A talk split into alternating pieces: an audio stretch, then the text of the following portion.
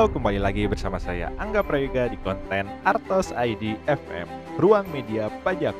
Semoga teman-teman Artos senantiasa sehat, aman, sentosa. Karena pada saat Artos ID FM episode kedua ini dibuat, berbarengan dengan berita pandemi COVID-19 di Indonesia sudah mencapai 1 juta orang lebih yang terkonfirmasi positif.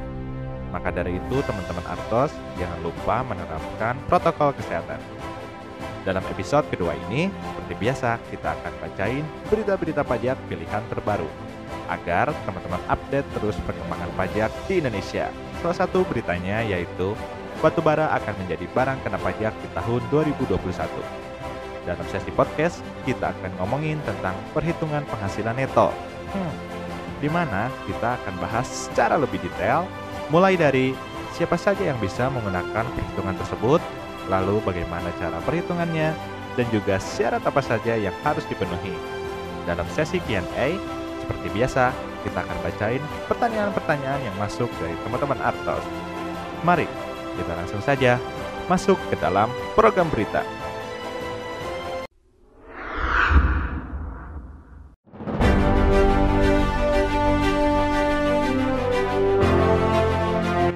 Berita pertama, Menteri Keuangan bekerjasama dengan Lembaga Pengelolaan Investasi LPI menyusun rancangan perpajakan khusus bagi investor asing yang tertuang melalui rancangan peraturan pemerintah. Perpajakan khusus tersebut berguna untuk menarik minat investasi asing masuk ke Indonesia melalui transaksi dengan Lembaga Pengelolaan Investasi LPI. Berita kedua, Pusat Pelaporan dan Analisis Transaksi Keuangan atau disingkat PPATK melaporkan tindak pidana pencucian uang selama tahun 2020 dalam sektor pajak dan kepabeanan yang memiliki potensi penerimaan negara mencapai 20 triliun rupiah. Namun demikian, dari jumlah tersebut berhasil diamankan oleh PPATK, DJP, dan Bea Cukai sebanyak 9 triliun rupiah yang berkontribusi terhadap penerimaan negara tahun 2020 lalu. Modus utama tindak pidana pencucian tersebut berupa penerimaan gratifikasi dan suap untuk perizinan dan pengadaan barang dan jasa. Berita ketiga, ekonom senior Universitas Indonesia Faisal Basri mengungkap sejumlah sektor yang membuat penerimaan pajak negara 2020 kendor. Salah satunya pendapatan pajak dari sektor tambang yang tak optimal dari tahun ke tahun. Faisal menyebut pada 2020, kontribusi sektor pertambangan terhadap penerimaan pajak hanya 4,3 persen. Lemahnya penerimaan pajak dari sektor tambang terjadi akibat pelanggaran pajak yang diberikan pemerintah yaitu seperti fasilitas tax holiday hingga tax allowance untuk pertambangan tertentu seperti tambang nikel. Direktur Jenderal Minerba Kementerian ISDM, Ridwan Jamaludin mengatakan, pemerintah menetapkan batu bara akan menjadi barang kena pajak pada 2021, yang bertujuan untuk mendongkrak pos penerimaan negara pada anggaran pendapatan dan belanja negara, sesuai landasan hukum Undang-Undang Nomor 3 Tahun 2020. Aturan ini sudah disiapkan oleh Kementerian Keuangan, namun karena masih proses, belum ada angka pasti mengenai tarif pajak yang akan dikenakan ke batu bara nanti. Sekian berita pilihan yang dapat kami sampaikan ke ruang dengar Anda.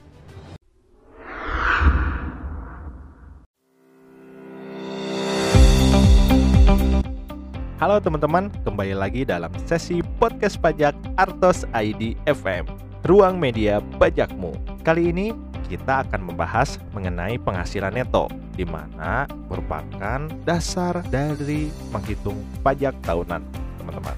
Nah, menghitung penghasilan neto dilakukan juga dalam perhitungan pajak tahunan bagi orang pribadi, di mana perhitungan penghasilan neto tersebut, kalau teman-teman tahu, diperoleh dari penghasilan bruto dikurangi dengan biaya-biaya terkait penghasilan tersebut.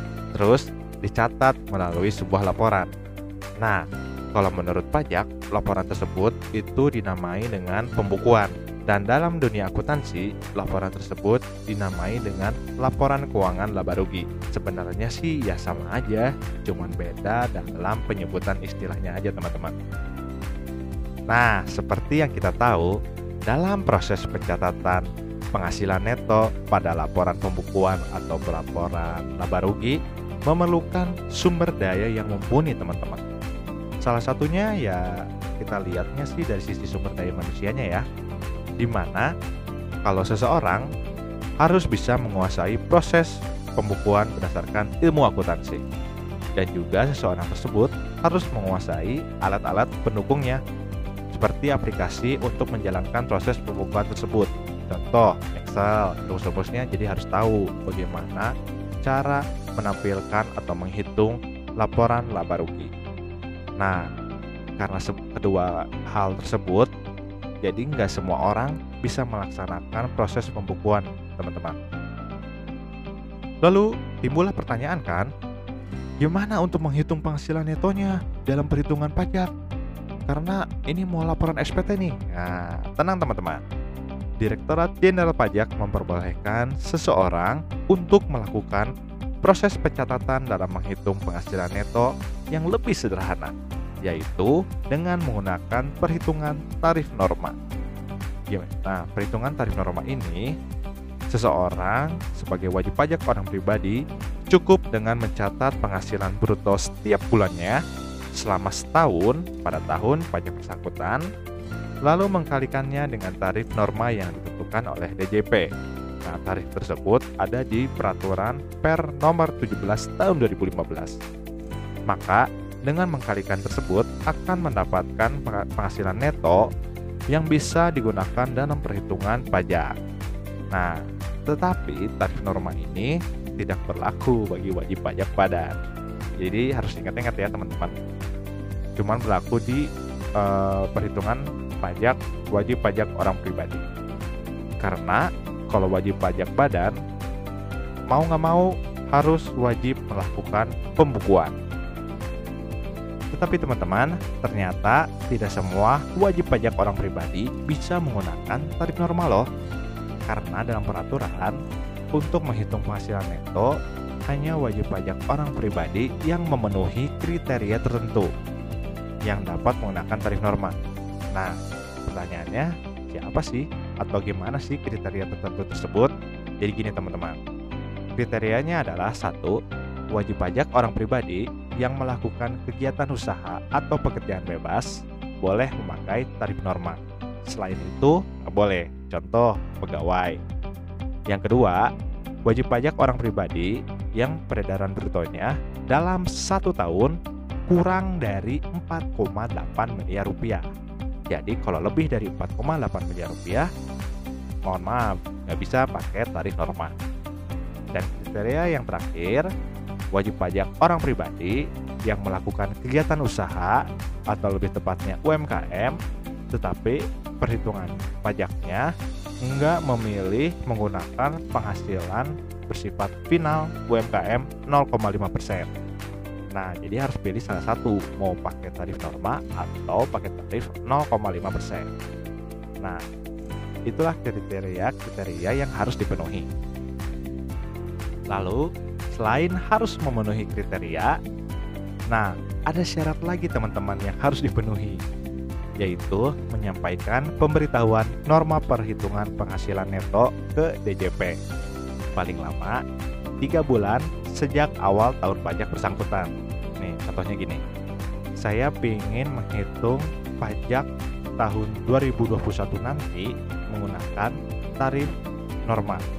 Nah, jadi pemberitahuannya harus dilakukan di bulan Januari, Februari, dan Maret paling lama 2021. Nah, penyampaiannya teman-teman dapat melalui saluran elektronik pada situs DJP. Nah, kalau teman-teman mau lewat online, jadi masuk ke situs DJP, terus pilih ke menu KSWP teman-teman.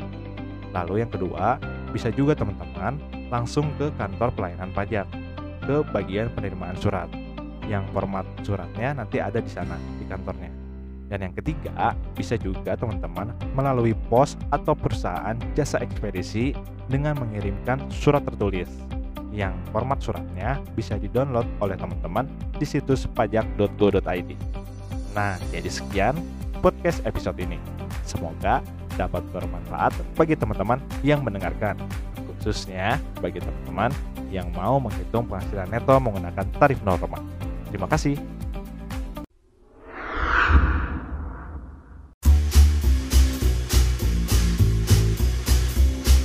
Sekarang masuk ke sesi Q&A pajak. Jadi seperti biasa, saya mau bacain pertanyaan-pertanyaan yang masuk ke WhatsApp atau Twitter Artos IDFM dari teman-teman. Jadi, teman-teman kalau ada yang mau nanya pajak, bisa mention di Twitter at artosidfm atau di nomor WhatsApp artosid 081292984203. Nah, pertanyaannya datang dari 0878247009 sekian sekian sekian. Mau bertanya terkait PPN terutama produk digital. Hmm, oke. Okay. Bagaimana mekanisme pemungutan dan penyetoran produk digital bila saya menjual produk digital? Karena kan tahun ini udah berlaku PPN untuk digital itu. Oke, jadi gini, mungkin ini bertanya terkait perdagangan melalui sistem elektronik ya. Nah, jadi atau disingkat PMSE yang peraturannya emang diterbitkan pada tahun 2020 kemarin teman-teman. Jadi gini, yang diterbitkan peraturan pada tahun 2020 lalu itu yaitu PMK nomor 48 tahun 2020 di mana peraturan tersebut mengatur pengenaan PPN untuk barang kena pajak yang tidak berwujud. Jadi kayak ya kayak Spotify gitu voucher-vouchernya atau uh, beli akun premium YouTube kayak gitu-gitu. Nah, itu barang kena pajak yang tidak berwujud dan juga peraturan tersebut diatur juga untuk jasa kena pajak. Nah, tetapi yang diatur dalam PMK kemarin itu cuman untuk penjual di luar Indonesia atau di luar pabean yang barangnya tersebut dijual di Indonesia. Jadi cuman untuk penjual di luar negeri aja teman-teman. Karena nanyanya peraturan uh, terkait dengan peraturan PMK 48 tahun 2020 lalu, maka saya akan jelaskan di uh, uh, apa untuk menjawab pertanyaan ini pengenaan PPN untuk perdagangan online di luar Indonesia saja. Ya, untuk perdagangan online dalam negeri ya, di konten selanjutnya ya teman-teman. Jadi gini, PMK nomor 48 tahun 2020 singkatnya mengatur pemungutan PPN terhadap produk luar negeri teman-teman yang dijual secara online di Indonesia. Nah, sehingga DJP menunjuk penjual luar negeri tersebut sebagai pemungut PPN atas setiap pembelian produknya oleh konsumen di Indonesia. Mekanismenya adalah jadi gini. Kan teman-teman kalau beli misalnya uh, apa voucher Spotify atau gimana, nah kan dapat invoice ya atau bukti tagihannya dari penjual luar negeri tersebut. Nah, di dokumen tersebut uh, pasti ada rincian tagihannya. Salah satunya adalah PPN 10% nah jadi teman-teman harus bayar 10% tersebut ke pada saat pembelian uh, produk digital tersebut. Nah nanti bukti tersebut atau invoice atau bukti tagihan atau apa pun bisa dijadikan sebagai pajak masukan PPN untuk dikreditkan bagi pembeli Indonesia tersebut. Nah, jadi gitu ya teman-teman biasanya sih ini pembelinya juga harus PKP juga ya statusnya jadi bisa mengkreditkan pajak masukan tersebut ke perhitungan nanti pas uh, pembayaran PPN oleh PKP. Jadi kalau konsumen akhir yang bukan PKP mah ya udah cuma sebagai bukti pembayaran aja ya. Nah kayak gitu. Jadi sudah jelas ya teman-teman. Pertanyaan kedua, uh, misalnya kalau menjual produk homemade, bagaimana penentuan rate PPN-nya? jadi gini red PPN itu asal teman-teman tahu itu flat ya jadi cuma 10% udah aja pokoknya mau barang apa pun 10% jadi gitu teman-teman cuman ketentuan memungut PPN uh, eh, dari pembeli ini cuman untuk penjual-penjual tertentu yang sudah dikukuhkan sebagai PKP. Jadi kalau misalnya teman-teman penjual produk homemade-nya bukan sebagai statusnya PKP, jadi nggak usah uh, mengenakan PPN ke produk teman-teman. Jadi ya harga jualnya normal aja nggak usah ditambah PPN gitu. Jadi uh, apa?